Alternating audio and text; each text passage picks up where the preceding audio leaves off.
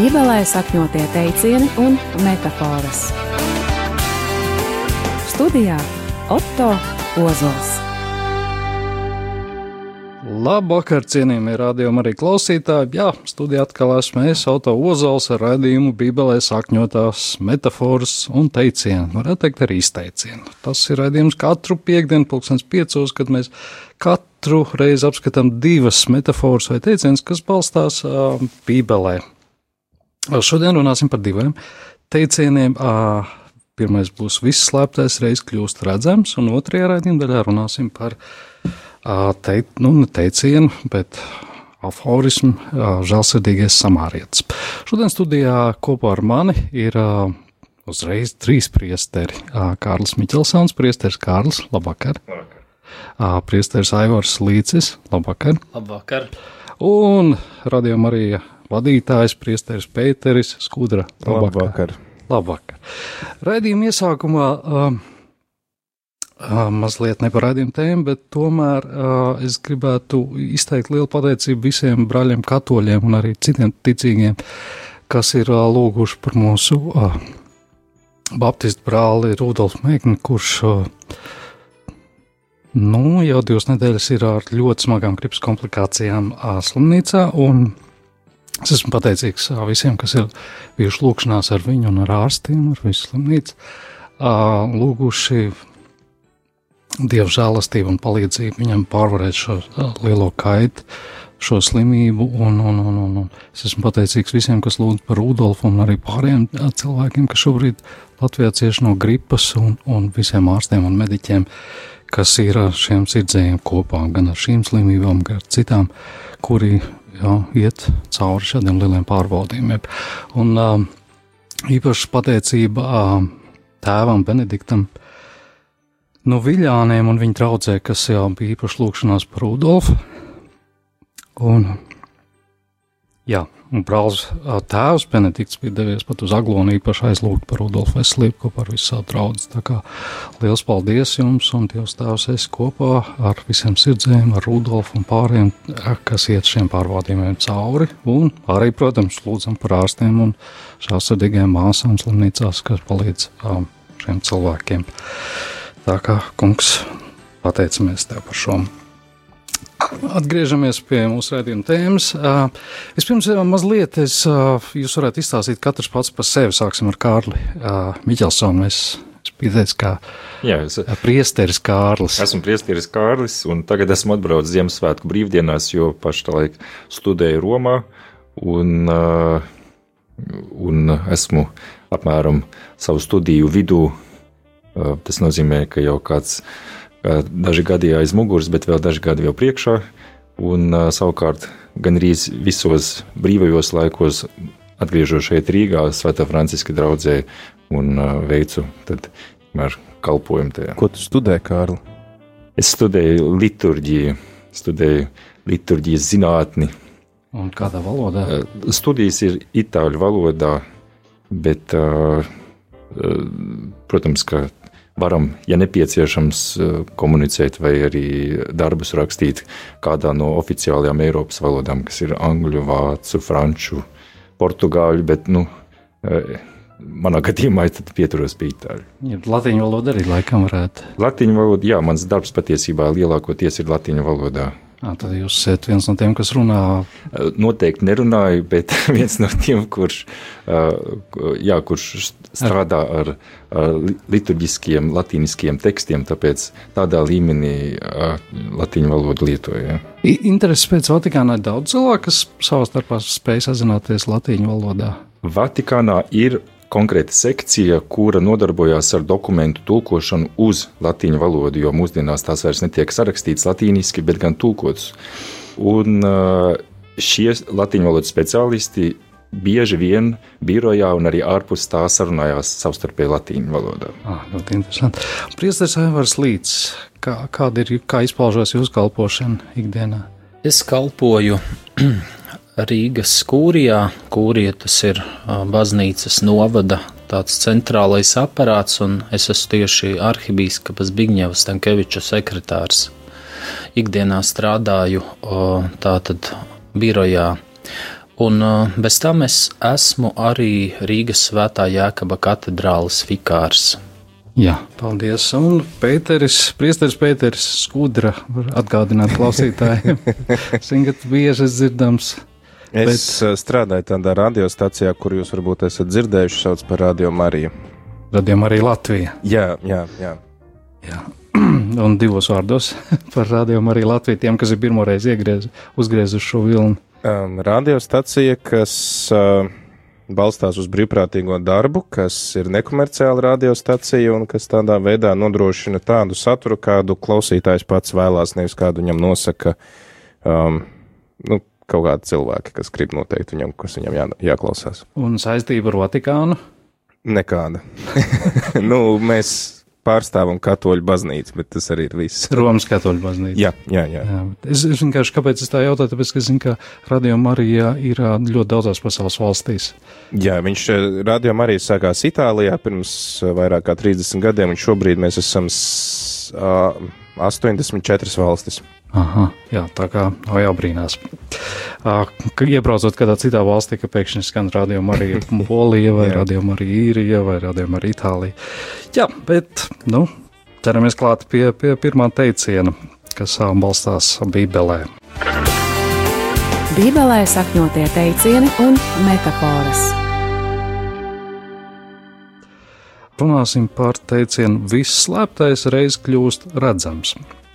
Šis teiciens balstās Lūkas evanģēlijā 8. nodaļā, un es nolasīšu no 11. panta līdz 17. pantam, kur ir minēts šis teiciens. Bet šī līdzība ir sēkla, ir dieva vārds, bet kas ceļmalā ir tie, kas dzird. Pēc tam nāk vēlns un aiznes vārdu no viņa sirdīm, lai tie neticētu un netiktu pestīti. Un kas uz klints ir tie, kas dzirdēdami vārdu priekā uzņem to, bet tiem nav saknes. Kādu laiku viņi tic, bet kārdināšanas brīdī tie atkrīt. Bet kas krīt ērkšķos, ir tie, kas dzird, bet tie viņiem aizejot gan rūpēs, gan pagātībā un dzīves baudā nomāc to, un viņi nes augļus. Bet kas labajā zemē ir tie, kas vārdu dzirdējuši, patur to labajā un dziļajā sirdī, un viņi nes augļus pacietībā. Bet neviens, aizdedzinājis sveci, to neapsedz ar trauku, nedz liek zem gultas, bet liek svečturī, lai ienācēji redzētu gaismu, jo nav nekā noslēpta, kas netiktu atklāts, un nekā paslēpta, kas nekļūs zināms un nenāks atklātībā. Nu, ko mēs varētu teikt par šo, par šo rakstu vietu? Sāksim ar Pēteri. Um, jā, šī ir uh, viena tāda diezgan slavena, manuprāt, rakstu vieta tad par šo uh, sējēju, kurš sēž diezgan uh, nu, tā, uh, bagātīgi. Mums varbūt Latvijā ir grūtāk saprast šo līdzību, teiksim, to absurdu, uh, ko šī līdzība uh, stāsta, jo nu, mums tā zeme ir vairāk vai mazāk auglīga, nu, īpaši tur zemgalē un tā. Uh, tad uh, tur tiešām, kur sējais, uh, nu, viņš var neskatoties sēt un, un, un tā sēkla dīkst, tad um, Izrēlā svētajās zemēs šādas zemes ir ļoti maz. Un uh, tas nozīmē, ka ja Jēzus runā par sējēju, kurš sēja akmeņainā zemē, kurš sēja uz ceļa, um, nu, viņš īstenībā runā par tādu nu, diezgan izšķērdīgu zemnieku, kurš, uh, tiksim, tā, tā labība viegli nenāk. Uh, un viņa tiek ļoti rūpīgi sēta un ļoti rūpīgi izvēlētā vietā, kur tā zeme ir kārtīgi apstrādāta. Tad tas ir pirmais tāds, varbūt, paradoks, kas mums jāsaprot, ka tie cilvēki, tas nebija pašsaprotami, tas, ko Jēzus viņiem stāsta. Un, kas attiecās tad uz šo pēdējo daļu, un īpaši uz to 16. piedod 17. pantu, par kuru tad mēs arī šodien runājam, kad nav nekā noslēpta, kas netiktu atklāts, un nekā paslēpta, kas nekļūst zināms un nenāks atklātībā, tad arī salīdzinot ar Mateju un Marku, kuri arī uh, izmanto šo teicienu, tad lielākoties es redzēju, ka tas tiek piedāvāts tādā kontekstā, Jēzus to piedāvā tādā kontekstā par Dieva vārdu, ka Dieva vārds tiek ienests pasaulē, un tas noteikti tiks atklāts, tas nepaliks apslēpts, un tas arī ir tad um, muļķu evaņģēlistu šo autoru tāds aicinājums kristiešiem, kuriem viņi ir rakstījuši šos evaņģēlijus arī mums, nekautrēties no šīs vēsts, ka tas nav kaut kas tāds privāts, ka kristietība nav kaut kāda izredzēto apskaidroto, nu, kaut kāda apslēptā zinātne, ja, bet tas ir domāts visiem, ar kuru mums ir jāiet un, un jārunā visiem. Tāpēc arī ir šis šī sveces aizdedzināšanas arī ir kaut kas tāds, kas ir ļoti uzreiz saprotams tiem cilvēkiem no viņu ikdienas dzīves, jo laikā, kad nebija elektrības, tad, kad paliek uh, tumšs, jau saule riet, tur Izrēlā ļoti ātri paliek tumšs, uzreiz pēc saulrieta jau ir iestājusies tumsa, tad cilvēki iededz sveci, un iedomājies, ja tagad ģimenē kāds, nu, ģimene sēž pie galda vakariņas, viens iededz sveci, jo paliek ārā tumšs, viņš aiziet, viņu paslēpj kaut kur skapī, nu, pāriem agal būtu kaut kāds, nu, ne, neizpratne vai ne? jā, es pēkšņi, pēkšņi atcerējos, jā, jā, ka, mums šajos platumgrādos dzīvojušiem reizēm grūti iedomāties, ka tuvāk ekvatoram, ka tā saulrietis un saulēkts noteikti daudz straujāk, tas ir tā kā izslēgt un ieslēgt gaismu burtiski. Jā, mums redz vēl ir tā, tā rītausma, ja, vai, vai vakara vēl tā gaisma, kas arī pēc saulrieta ir, un tad, tad mums to ir tā grūtāk jā. saprast. Jā. Mēs esam svētīti ar tādiem gariem saulēktiem, gariem saulrietiem, kad ir viss krāsgaismas, jā, tiešām tur. Jā, Aivar, priester Aivar, kā jums, ko jums? Es par šo rakstu vietu un vispār par nodaļu gribu teikt, ka astotās nodaļas sākumā, kur arī ir šis pants, ir teikts, ka Jēzus šos vārdus teica tad, kad viņš staigāja pa pilsētām un ciemiem, mācīdams ļaudis, sludināda, sludinādams dieva valstību. Tātad tas, ka šī dieva valstība tā nav tāda, kurai kur ir domāta, lai viņu slēptu. Ticība pati par sevi nav domāta tā, lai viņu slēptu, nav domāta tikai privātai sfērai. Tāpēc arī, piemēram, katoļu tradīcijā, kad eh, mēs eh, tiekam kristīti, mēs saņemam sveci, eh, kas simbolizē šo Kristus ienākšanu pasaulē, ko arī piemēram, šī lieldienu liturģija, kad tumšā baznīcā tiek ienesta svece, no kuras tad pārējie aizdedz, bet tas arī ir kā tāds aicinājums pašiem būt kā svecē, kas, nu, tā kā aizdedzina citus, ka tu neslēp to sveci.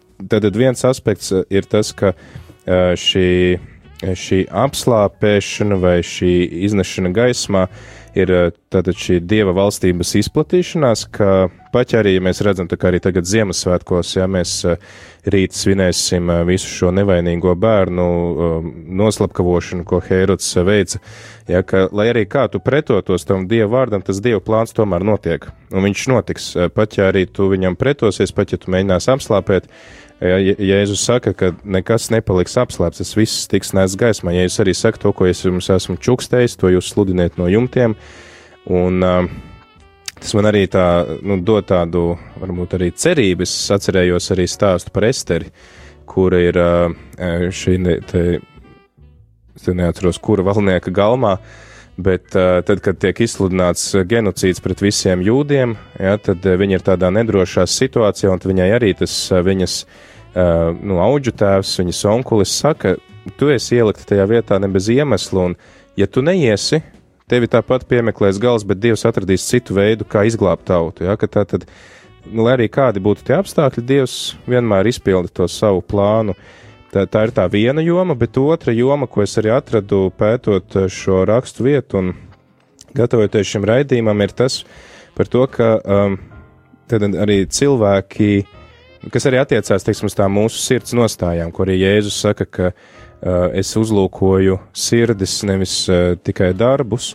Un uh, te mēs arī redzam, ka tā jau ir arī atsauce uz uh, vecās derības uh, tekstiem, gan uz sakām vārdu grāmatu, gan arī uz uh, praviešiem, kuri norāda uz to, ka uh, Ja tu vari būt cilvēks, kurš domā vienu, bet dara citu, bet Dievs tāpat iznesīs gaismā tos tavus nodomus un ar kādu mērķi tu to visu esi darījis. Tā kā atklāsies, nu, visa patiesība reiz nāks gaismā. Tas, mm. tas būtu tas otrs aspekts. Jā, labi, ka tu pieminēji to salīdzinājumu ar sveci, sveci kā simbolu. Man kāda, kāda žurnālista, kas bija pētījusi Barcelonas arhitektūru, viņa teica, ka Jūs zināt, visi zināt slaveno baziliku Gaudī, jā. Gaudī, Antonija Gaudī, Bazilika Sagrada Familija, svētās ģimenes Bazilika. Viņa teica, ka būtībā, ja tā ieskatās, tad tā Antonija Gaudī, kurš bija ļoti dedzīgs katolis, ticīgais, pārliecināts, um, ka viņa būtībā ir arhitektoniski, viņš ir domājis uh, tādu tā kā seno katoļu baznīcas sveci, jo kādreiz viņas nebija tievas, bet viņas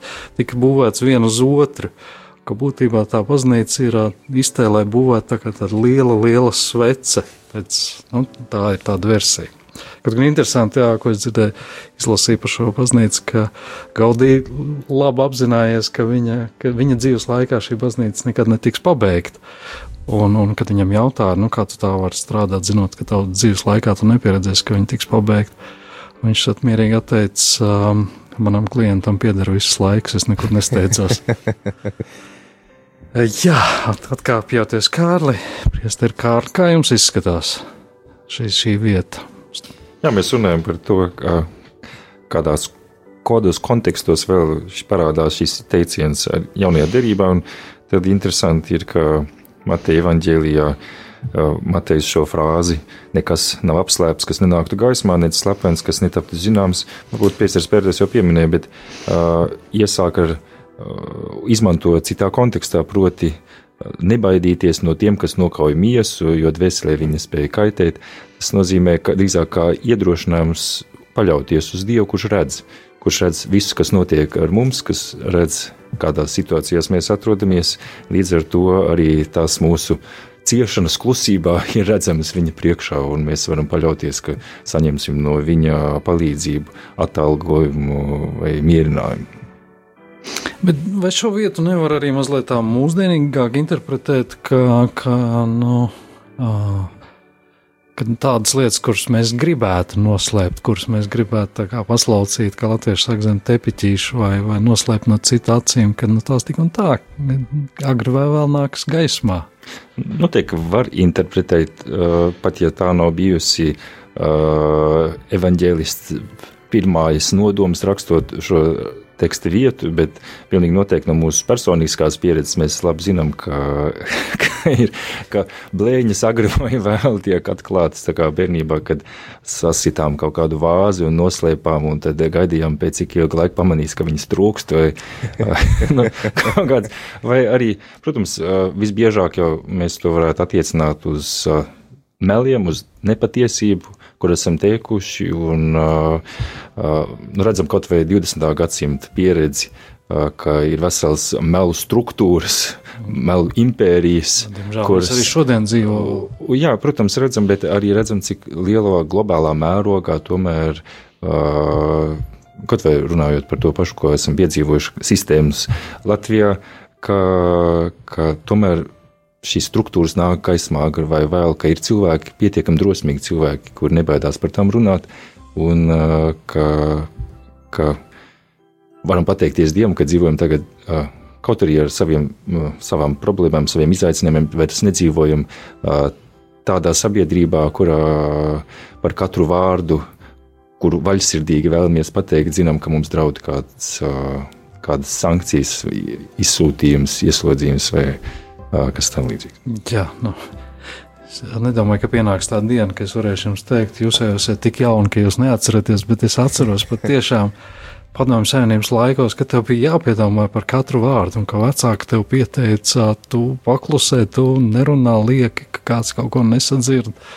Ka, nu, ka patiešām mēs dzīvojam tādu kolektīvo melu laikmetā, bet nu, paldies, patiešām paldies Dievam, ka, ka šis laiks zināmā mērā ir beidzies. Tagad gan viņš kaut kādā jocīgā veidā nāk atpakaļ. Arī mēģina mūs apspiest no tās brīvās vārda teikšanas vai atklātā vārda teikšanas, bet šis, šis varētu būt tāds biblisks iedrošinājums būt patiesām. Tā, tā es pareizi saprotu. Jā, Aivar Priesteri.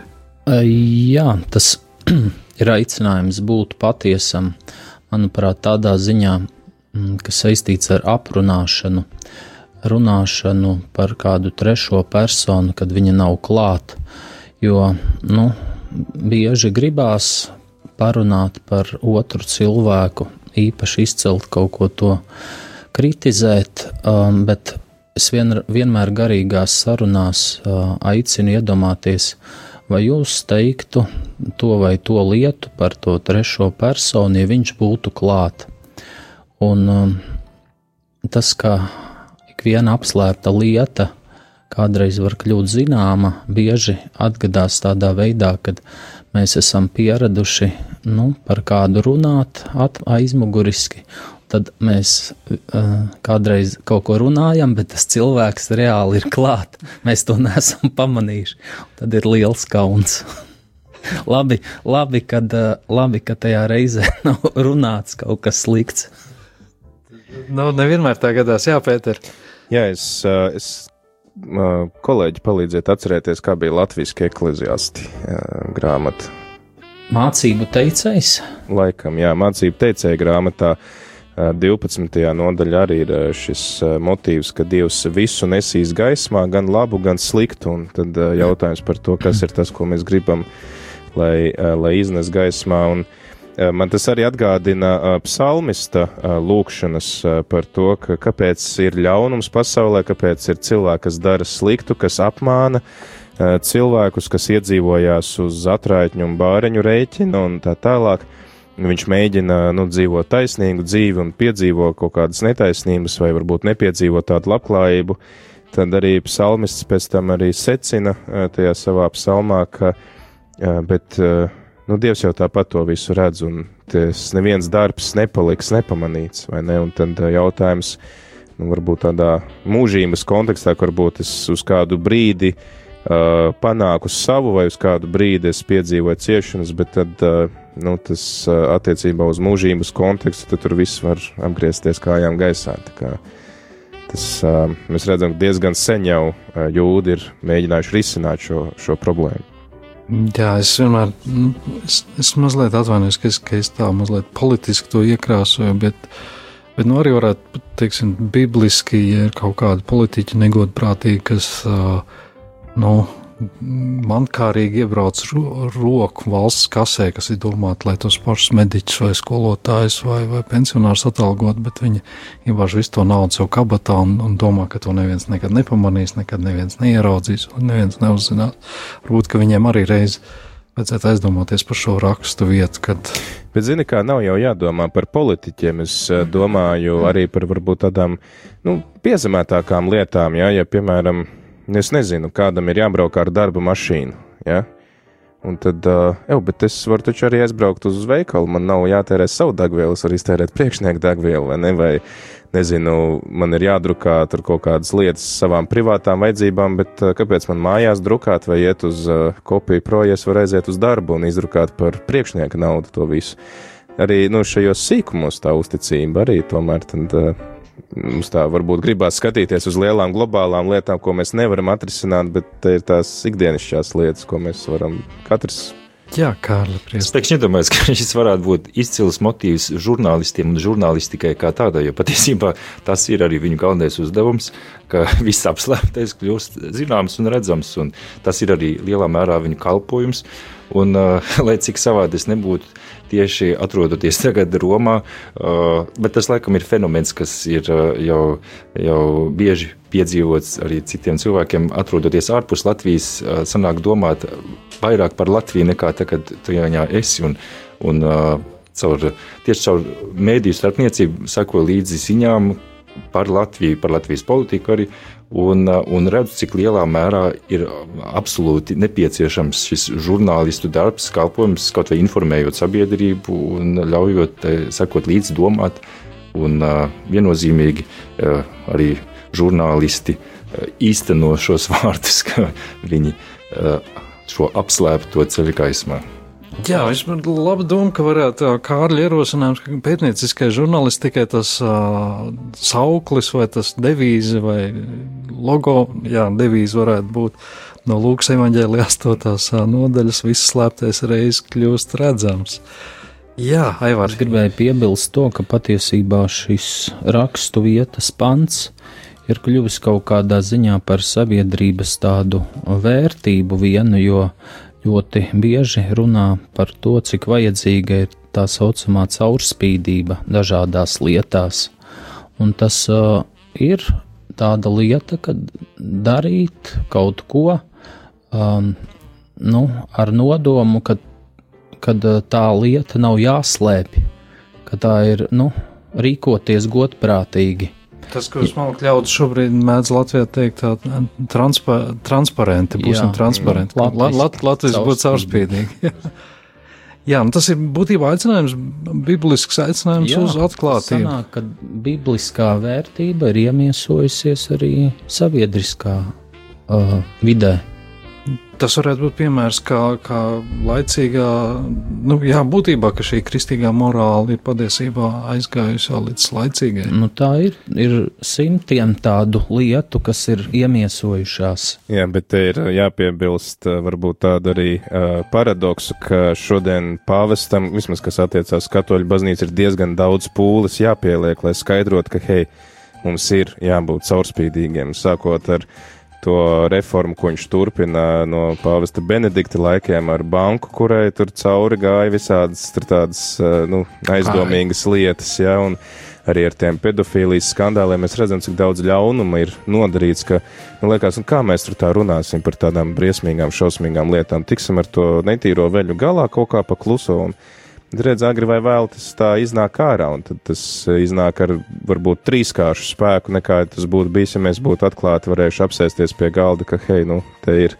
Piemēram, tas, tas, ko Vācijas baznīca izdarīja pat, redzot to, kas notiek citur pasaulē, teica, labi, mēs uh, samaksāsim universitātēm, lūdzu, veiciet pētījumus, ja? mēs uh, sponsorēsim jūsu, jūsu darbiniekus, lai viņi izpēta, kāda ir situācija pie mums pašiem. Un, uh, Es domāju, un, un, un, un par to tik daudz mēdījos nerunā, bet, piemēram, tur, kur tas tika mēģināts tā apslēpt, jā, par to redz, ah, redz, kāda tā katoļu baznīca ir. Nu, tad, uh, mm.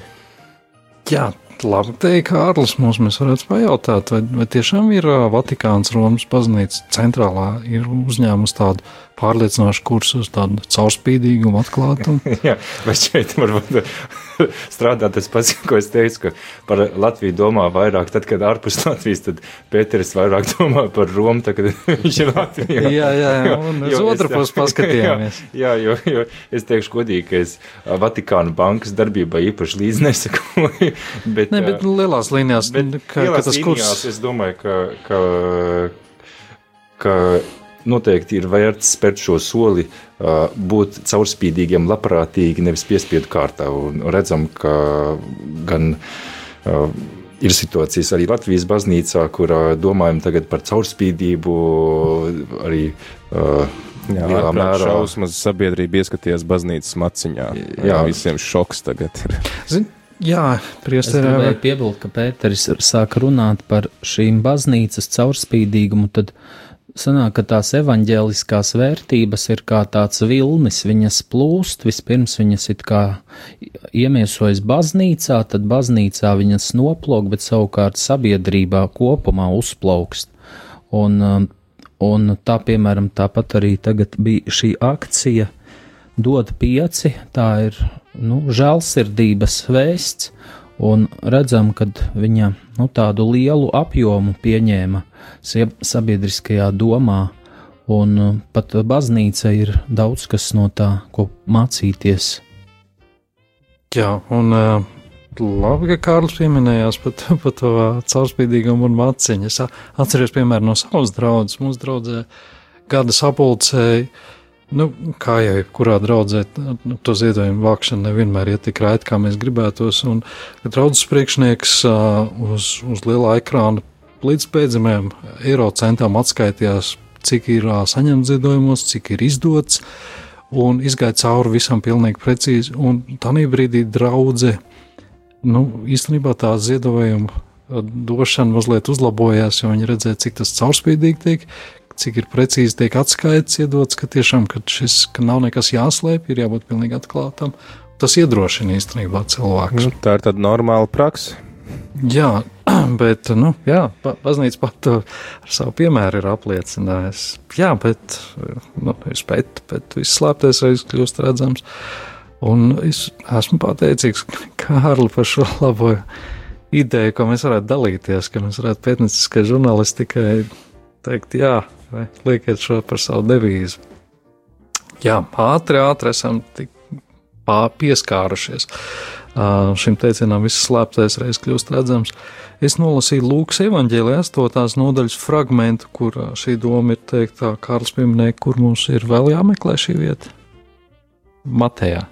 Es varu, varbūt, kamēr Kārlis meklē, ir Lūkas evanģēlī arī 12. nodaļā. Ah. Tas ir otrais, trešais pants. Tad mēs varam atrast Mateja evanģēlija 10. nodaļas 26. pantā. Tur tas ir tajā kontekstā ar tām vajāšanām, ko Kārlis minēja. Marka evanģēlija 4. nodaļas 22. pantā, tad tas ir vairāk tajā kontekstā, ka Dieva vārds ir domāts, lai ar to dalītos, nevis turētu kaut kādā savā privātā sfērā. Tiešām Lūkas evanģēlijā sanāk divas reizes ir atkārtots šis gan 8, 17, gan 12, 2. Jā, tikai mēs pārbīdījām akcentus uz to caurspīdīgumu, ka tāds. Uh, sliktākas lietas vienmēr nāk gaismā, bet būtībā šeit laikam tomēr ir vairāk teikts, ka, ka, ka ticība būs kā gaisma, kas, kas kļūst. Bet gan, gan, jo ja mēs ņemam visu Bībeles kontekstu, tad mēs redzam, ka no vecās derības tas vairāk nāk tieši šajā kontekstā par caurspīdīgumu, ka mm -hmm. Dievs. Nu, Dievs visu izcels gaismā, un tad tu redzēsi, kas ir bijis labs, kas ir bijis slikts. Tas, ko pēc tam Pāvils teiks, ka nu, tie darbi tiks dedzināti. Tas, kas būs no salmiem, tas sadegs, kas būs no dārga metāla, tas spīdēs un, un, un būs palicis. Jā, nu, mēs esam jau raidījuma vidū nonākuši, un es atgādinu, studijā ar mani šoreiz ir trīs katoļu priesteri, priesteris Kārlis Miķelsons, priesteris Aivars Līcis un radījuma arī vadītājs priesteris Pēteris Skudra, un mēs runājam par pirmo teicienu, viss slēptais reiz kļūst redzams, tagad būs neliela uh, muzikāla pauze, pēc kuras mēs runāsim par jā, aforismu, varētu teikt, žēlsirdīgais samārietis. Un, Pēter, vai mēs esam atraduši to īpašo muzikālo? Nu, jā, tu vari paskaidrot, kas tā par dziesmu ir. Jā, es gatavoties raidījumam, uzzināju, ka samārieši joprojām, šī senā tauta joprojām ir dzīva. Paldies Dievam, tikai aptuveni 700 samārieši ir palikuši, bet viņi dzīvo pašreizējā Izraels teritorijā kopā ar palestīniešu kontrolētajām teritorijām. Un, Izrēlā ir ļoti populāra aktrise un dziedātāja Sofija Catko, kas ir dziedātāja, un es sameklēju muzikālu gabaliņu, kur viņa dziedās, jo mums būs iespēja dzirdēt, kā dzied īsta samāriete. Tiekamies pēc muzikālas pauzes.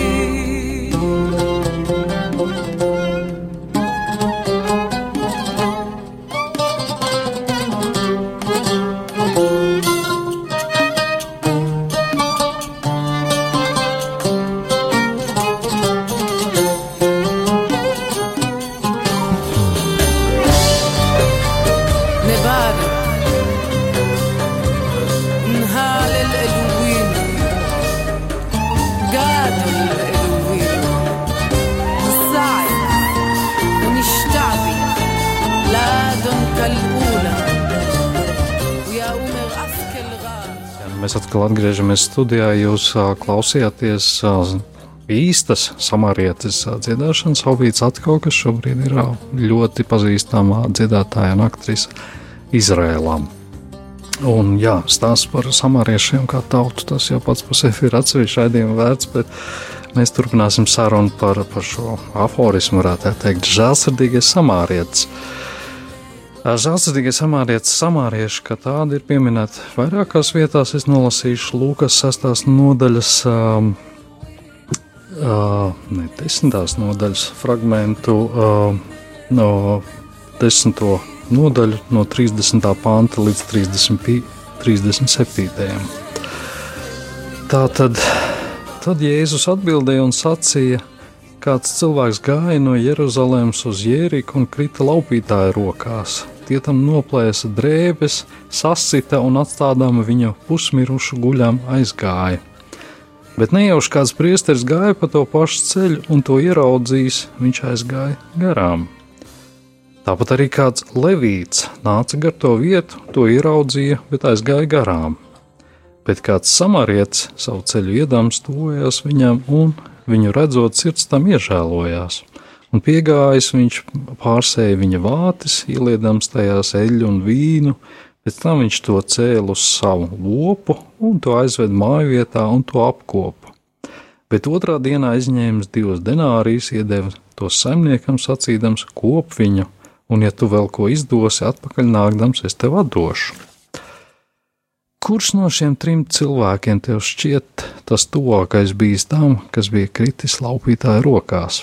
Tas atbildēja, tas, kas viņam žēlsirdību parādīja. Tad Jēzus to sacīja: Nu, tad ej un dari tu arī tāpat. Tas bija Dieva vārds no Lūkas evanģēlīja desmitās nodaļas. Atgādini, ka studijā ar mani šodien ir priesteris Kārlis Miķelsons, priesteris Aivars Līcis un priesteris Pēters Skudra, un mēs runāsim par šo un citām vietām, kur samārieši tiek pieminēti. Bībelē sakņotie teicieni un metafāras. Studijā Otto Ozols. Nu, jāsaka, ka žēls, tāds termiņš, žēlsirdīgais samārietis vai teiksim, šis tēls mums parādās tikai vienā vietā. Svētajos rakstos, un tas ir tevis pieminētais Lukas evanģēlija desmitā nodaļa. Uh, Jo, eh, protams, ka ir vietas, kur parādās samārieši, piemēram, Jāņa evaņģēlī 4. nodaļa, kur Jēzus runā ar eh, sievieti, samāriešu sievieti. Jā, jā, kas, jā, tā ir otrā vieta, samārieta. Jā, bet, eh, nu, samārieši ir pieminēti vairāk kārt, tad, kad arī Jēzus iet ar saviem mācekļiem cauri uh, Samārijas pilsētai, un uh, viņš tā kā grib kaut kur tur apmesties, un viņu nepieņem šajā pilsētā, tad arī Jānis ar uh, savu brāli Jēkabu saka, mēs te nosauksim tagad uh, pērkonus, uguņus pār šo, uh, pār šo pilsētu. Uh, tā kā tā. Jā, nu Samāriešu sieviete sacīja viņām, kā tu, būdams jūds, prasi no manis samārietas dzert, jo jūdi nesaietās ar samāriešiem. Jā, tas atkal ir, mēs redzam to, cik ļoti Jēzum ir paticis izaicināts. Domāju, ja, ja viņš būtu bijis, droši vien kaut kādos 80. gados viņš būtu pārstāvējis panku kultūru, jo, nu, tas tad mans, mans minējums, bet viņš. Es gribētu teikt, ka sieviešu aizstāvis. Nu, arī, jā, bet viņam, es, es domāju vairāk par tiem saviem tēliem, ko viņš izvēlās par tām līdzībām, viņš, viņš izvēlās tādus tēlus, kas, kas šokē tos cilvēkus, kas nav, nu, tādi pašsaprotami tēli. Tas, ko es stāstīju par to sējēju, nu, jūdiem nebija pašsaprotams. Tagad sējējs, zemnieks, kurš sētu, nu, tā vienkārši kaisīt, kur pagadās. Vai tas pats arī līdzība Lūkas evaņģēlī 15. nodaļā par pazudušo aitu? Jā, tagad ganam, kuram ir simts aitas atstāt veselu ganāmpulku, lai ietu meklēt to vienu, Jēzus sāk ar vārdiem, vai kurš gan no jums neiet meklēt to vienu un neatstāja 99. Nu, viņš absurdas tādas lietas saka, un arī šī līdzība, kad viņam nāk pie, pie viņa, ja mēs palasītu iepriekš Lūkas evaņģēli, viņam uzdod jautājumu, kas man ir jādara? Un viņš atbild ar pretjautājumu, nu, ko, ko tu, ko tu māci? Nu, man jāmīl savu tuvāko, ok, labi. Un tad viņš saka, nu, tad, lai sevi attaisnotu, tas cilvēks saka, kas tad ir mans tuvākais? Un tā vietā, lai tagad atbildētu tieši uz šo jautājumu, ja es viņam dodu absolūti absurdu uh, piemēru, samārieši, kas ir uh, neaizskaramie, kas ir vienā līmenī ar pagāniem, ar kuriem uh, nu, vispār pa gabalu, jā, tad, tad tas ir tas, kuru viņš noliek kā Uh, Kā piemēram, paraugu. Kā paraugu, jā. jā. Tas tā kā šodien, es nezinu, latvietim nolikt kaut kādu krievu vai, vai es nezinu, kaut ko, ja tur, nu, kas mums tādi vēsturiskie šie, šie konflikti ir, ja, vai, vai es nezinu, poļiem ar lietuviešiem tur likt tur par viļņu parunāt kopā, ja, vai kaut ko tādu. Nu, Jā, nu te ir tas vēsturiskais konteksts, kur mums ir jāzina, ka jūda ar samāriešiem toreiz pavisam nesatika. Tas bija. Un, un tas, kāpēc tas tā notika, tas, tas notika tad, tad laikā, kad kādus apmēram 800 gadus vai pat vairāk, kāds 900 gadus pirms Kristus šī Salamana valsts, vai teiksim tā Dāvida nostiprinātā valsts, kuru pārvaldīja Salamans vēlāk pēc Salamana nāves, viņi sadalījās divās daļās. Bija jūda un kura bija tā otra cilts, kas tur palika dienvidos. Izraela. Ir ziemeļos un jūda dienvidos. Jā, jā, bet uh, bija jūda. Um, Benjamins. Benjamins, jā. Jūda un Benjamins bija palikuši tie, kas bija tātad Jeruzalemes daļā, un ziemeļu daļā bija pārējās desmit ciltis. Un kādu laiku tad šīs ziemeļu daļas, daļas galvaspilsēta bija tieši Samārija. Un um, tāpēc arī tas nosaukums ir kā tāds kalns, no kura, kā tāds novērošanas kalns, jo tad uh, tā pilsēta bija celt uz uh, šī kalna.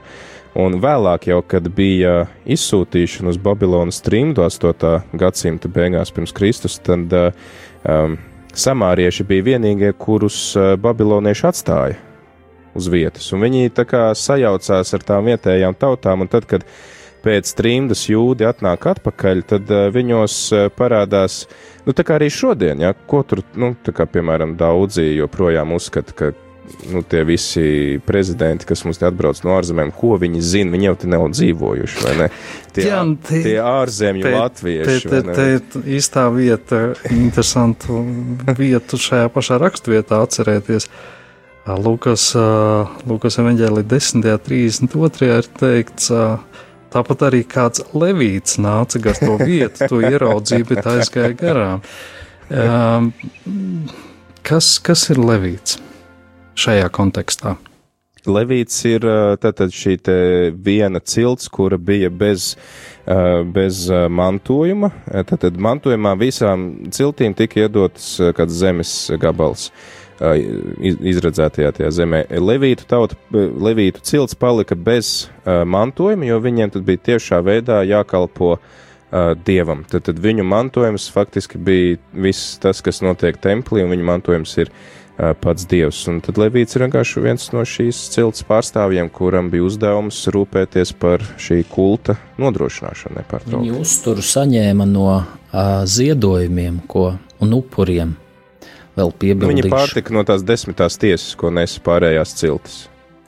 Gribu vēl par samariešiem piebilst, ka vēl viens piemērs, kur Jēzus izceļ samarieti, ir par desmit spitālīgajiem, kur Arī, tika izdziedināti, un tikai tas, kurš bija samarietis, viņš atgriezās, lai pateiktos Jēzum. Un eh, vēl par tiem samāriešiem pabeidzot, eh, tie klausītāji, kas grib iedziļināties šajā konfliktā, viņi var pārlasīt Ezras un Nehemija grāmatu, kas ir apmēram 5. gadsimts, eh, kad tiek atjaunot šis templis. Arī samārieši nāk un saka, nu, arī mēs šeit gribam lūgt pagodināt Dievu, un arī mēs gribam palīdzēt šī tempļa celtniecībā. Tad Ezra, ja nemaldos, ir tas, kurš pasaka, ka nē, ā, templī pie tempļa vispār drīkst pieskarties un to drīkst atjaunot, un tajā drīkstēs ieiet tikai tie jūdi, kuriem ir tīri šie radu raksti. Un tad, ja, piemēram, vīrietis bija aprecējis sievu no citas tautas, viņš vairs nevarēja baudīt šo mantojumu pie, pie saviem ā, ciltsbrāļiem. Kas ir interesanti, ka arī šodien jūdi ir saglabājuši to, ka uh, tautība nāk nevis caur tēvu, bet caur māti. Un, ja, piemēram, jūdu vīrietim ir sieviete, sieva, kas nav jūdieti, tad viņu bērni nav jūdi. Uh, tas ir, nu, es tagad saskaros tā savā ģimenē ar šo realitāti, manai māsai draugs ir, ir uh, puisis no Izraēlas. Un, uh, Jūts. jā, jā, jā, īsts. Un, Un, ja viņš apprecēs ar tavu māsu, tad, tad, bērni tad, viss, tad neskaitās. bērni vairs nav jūdi. Tad, un tad viņi ir tas- latvieši. Tad viņi ir latvieši, jā, un tas tas, par ko ļoti pārdzīvo šī puiša vecmāmiņa. Bet, uh, jā, tad, uh, un, un, un tā, tas konflikts bija tik milzīgs, ka viņus tiešām izstūma pilnībā ārā, no, no, tāpēc viņi dzīvoja atsevišķā reģionā, kaut kur starp Galilejas ezeru un, un Jeruzalemi bija šis Samārijas reģions, kur tad Jēzums senāts staigāt cauri, jo viņš pats bija no Galilejas, bet viņš kāja uz Jeruzalemi.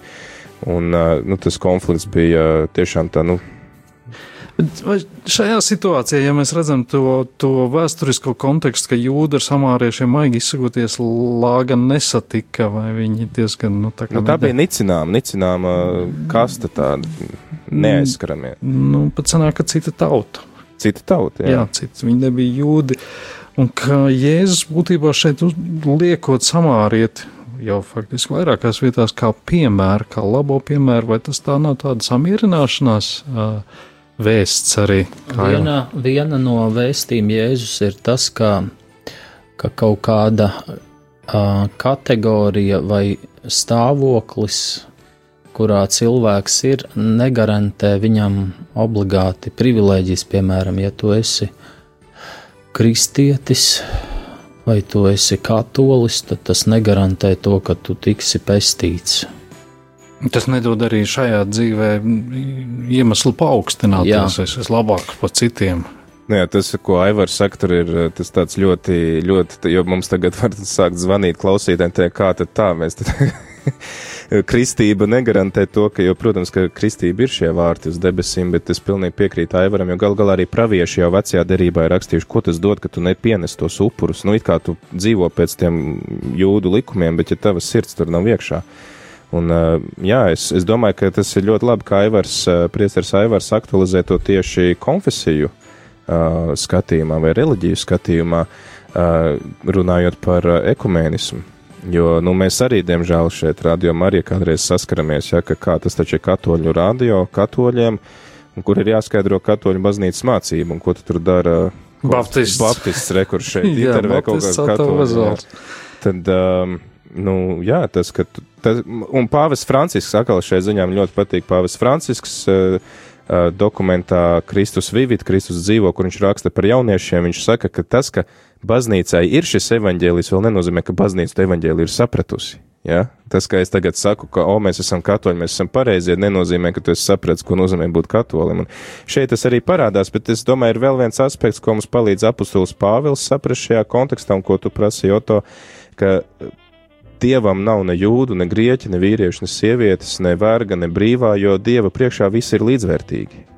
Neatkarīgi no tavas ādas krāsas, rases, valodas, tautības, no tavām tradīcijām, mēs visi Dieva priekšā esam vienlīdzīgi, un tas, ko Dievs, un atkal sasaistot ar iepriekšējo rakstu vietu, ko tu intervēji mums, ka viņš jau redz to sirdi, un viņš jau tad izcels ārā visu to, kā šis cilvēks savā sirdsapziņā ir komunicējis ar Dievu varbūt arī pats to neapzinoties. Bet vai Aivars varbūt domāja, ka, ka šeit ir tāda norāda, lai jā, mēs neizmantojam ticību kā avotu kaut kādam lepnumu grēkam? Tā varētu būt.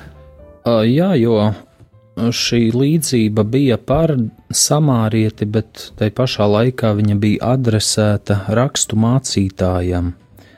Un tā tad rakstu mācītājs cilvēks, kurš zināja svētos rakstus ļoti labi, droši vien. Un uh, jebkas, uh, ko cilvēks apgūst, iegūst, stāvoklis, status, viņš ir bieži vien par pamatu le, lep, lep, lepnībai, lepoties par to. Jā, es domāju, šai ziņā tas ir arī liels izaicinājums. Uh, nu, īpaši jau, protams, garīdzniekiem, ja, ka, o, es tagad redzu, kaut kas esmu, ja, un tad jūs tagad visi, kas jūs tādi esat, tur nemācīti pārējie. Un otrs, bet, nu, diemžēl tāda, nu, tā attieksme var izmai, nu, izveidoties, jo, nu, tā vara un autoritāte, viņa jau mums tiek dota kalpošanai, bet nereti jau mēs atkal otrādāk, mēs sākam tā kā pār citiem, pār, tā kā sevi pārlikt, nevis palikt apakšā, lai kalpotu pārējiem. Ja es drīkst iebilst, nu, es esmu salīdzinoši nesen atgriezies, salīdzinoši nesen pieņēmis Kristu. Man ir radies iespējas, ka kristieši lasot Bībeli, domājot par šīm rakstvietām, tomēr biežāk nekā citi padomā par pazemību, par, par, par lepnību kā grēku, ka tas tomēr ir biežāk pārdomās. Un... Būtu labi. jā, nē, no, tas, tas, tas, protams, nav iemesls teikt, ka visi kristieši to li, lieliski apzinās un, un nekad negrēko šajā ziņā. Tas būtu pārspīlēt teikts, bet, nu, piedomā diezgan bieži. Kārli, es klusēju kādu mirkli. Kā, ko, kādas pārdomas tev rada šīs? Man bija šodien ļoti interesanti saruna ar kādu cilvēku tieši un jautāja, runājām par tām robežām, cik tālu. Tas gan neietilps varbūt tajā iepriekš, nezinu, varbūt politiskajā kontekstā, bet kādas ir tās robežas palīdzot otram cilvēkam, jo man liekas, ka šī rakstu vieta arī var uh, nedaudz parādīt gaismu arī mūsu ikdienā, tajā situācijās, kad esam aicināti būt labie samērieši un palīdzēt mūsu tuvākiem cilvēkiem, lai, lai kādi tie būtu, vai ģimenes locekļi, vai, vai attālāki cilvēki. Un tad jautāju, nu, bet, vai ir tā robeža kaut kāda, līdz kurai tu, tu skrieni dari, un tad esi uz tādas izdegšanas gandrīz vai robežas. Un tad man tieši iešāvās prātā šī rakstu vieta, jo labais samārietis, viņš dara ļoti daudz, viņš ziedo savu laiku, viņš ziedo savu enerģiju, viņš aizgādā šo cilvēku uz drošu vietu, viņš vēl piesola atgriezties un uh, iedod šo naudu, ja nepieciešama vēl kāda tēriņa, bet viņš aiziet projām, viņš iedā, iet savās darīšanās, respektīvi ir uh, Bet viņš šajā situācijā ir izdarījis labāk. Viņš ir iespēju. izdarījis visu to, ko viņš var izdarīt, bet, bet uh, tas viņš nenozīmē pāri savām spējām. Bet, bet ir, jā, ir bieži vien ir jāiemācās cilvēkiem uh, teikt nē. Dažādās situācijās, kas nenozīmē, ka neesam žēlsirdīgi, bet kas nozīmē, ka esam ierobežotas būtnes, ka, ka, ka arī mums ir savas robežas. Un, Jā, Pēter. Jā, tie ir vēl viens aspekts, ko es nu, pat atcerējos. Es neatceros tagad, kad to lasa liturģijā, bet uh, bija. Um, Kaut kad mēs to pārunājām ar klausītājiem šo rakstu vietu, un baznīcas tēvi šeit saskata, ka Jēzus, nu tā simboliski viņš arī ieliek īstenībā to pestīšanas plānu, ka šajā samārieša tēlā viņš ieliek sevi, un ka viņš šajā cietušajā Eh, cilvēkā uz ceļa tad, ieliek eh, visu cilvēci, kas ir bijusi ceļā prom no dieva, un eh, kura pa ceļam ir grēka sasista, un tas cilvēks ir atstāts pusdzīvs. Un tas, ko Jēzus izdara, viņš bieži vien nāk pie mums kā svešinieks, arī mēs redzam, Jēzus ja atnāk kā mazs bērns, viņu daļa nepazīst, un daļa viņu vispār grib nogalināt. Un viņš kā šis svešinieks mūs uzņem, uzceļ uz saviem pleciem, aiznes mūs tad uz šo Uh, nu, tie tolaik bija tādi krogi, kur cilvēki varēja piestāt paēst, un arī tur bija tāda kā nu, motelis, kur varēja pārlaist nakti, ka tas būtu simbols savukārt baznīcai, ka šobrīd tad uh, baznīca ir tā, kas uh, nu, apkopj mūs, uh, kas uh, uztur mūs pie dzīvības, kas, uh, tāpēc arī pāvests Francis bieži vien salīdzina baznīcu ar tādu kara lauka slimnīcu, kurā ievelk visus ievainotos, pārsien, sasien, un tad, ja es saku, es nākšu otrais, ja, Un tad jau es atlīdzināšu visam, ka tas arī ir tāds zināmā mērā, ka tāds cilvēks pestīšanas plāna tāds simbols. Jā, nu, es skatos pulkstenī, mums ir jāsāk tuvoties noslēgumam raidījumam, bet, ja mēs runājam par tādiem vienkāršiem piemēriem, jūs atceraties, ka raidījuma sākumā es teicu lielu paldies tēvam Benediktam no Viļāna draudzes, kurš bija domās lūkšanās par, par, par brāli Kristu baptistu Rudolfu Megni, kurš ir slimnīcā ar smagām gripas komplikācijām. Viņš bija aizdevies uz aglonu, viņš bija darījis visu, ko varēja savos spēkos, iespējams, ka šī un citas vietas viņu ir iedrošinājušas darīt visu iespējamo. Viņš nav dakteris, viņš nevar medicīniski palīdzēt, bet viņš var aizlūgt gan par doktoriem, gan par šiem gripas slimniekiem. Faktiski šī labā vēsts viņa ir iedvesmojusi un kopā ar visu draugu, par ko mēs esam ļoti pateicīgi. Tā kā, jā nu, tas varbūt varētu būt tāds Ziemassvētku tāds ticības apliecinājums un brīnums. Kā cilvēks spēj saslēgties lūkšanās, domājot par citiem, nešķirojiet viņus pēc konfesijām, vai tautībām, vai pārliecībām, vai ticībām, vai neticībām. Bet ar, ar, ar labu nodomu, ar sirdiem, lūkšanām, doties palīdzīgā. Es domāju, tas, ko Kārlis minēja par to steigšanos palīdzīgā visiem, man liekas, ka tā arī var būt tāda lepnības izpausme, ka es tagad būšu baigais pasaules glābējs, un visiem iešu palīgā, kam vajag un kam nevajag.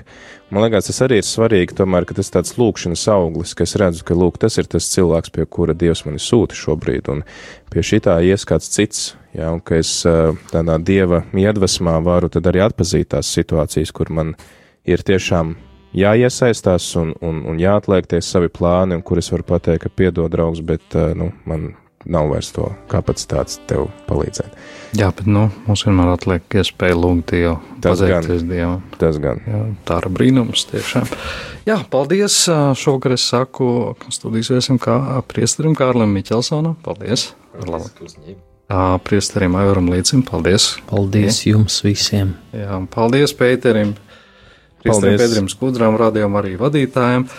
Tiekamies, dārgie klausītāji, nākošais gads. Pagaid, pagaid, Oto, tu tiksies pirmdien ar klausītājiem. Ah, Pastāsti, kas jā. tas par raidījumu būs. Tāds unikāls, vienreizējs.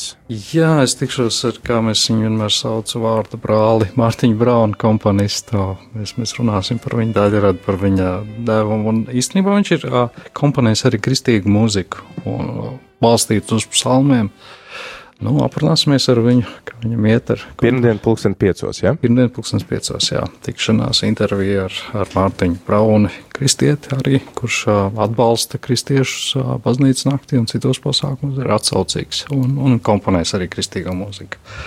Tā kā, jā, ar mani jūs vēl tiksieties vēl šogad, bet šis raidījums būs nākošais gada 3. janvārī, un tad mēs runāsim par tādiem teicieniem, aforismiem kā farizējs un muitnieks un pazudus jāvs.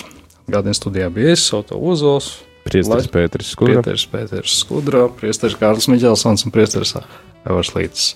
Paldies, lai sveitīgi nedēļa. Visu labu. Sveitīgi ar Dievu. Visu labu. Bībelē sakņotie teicieni un metafāras.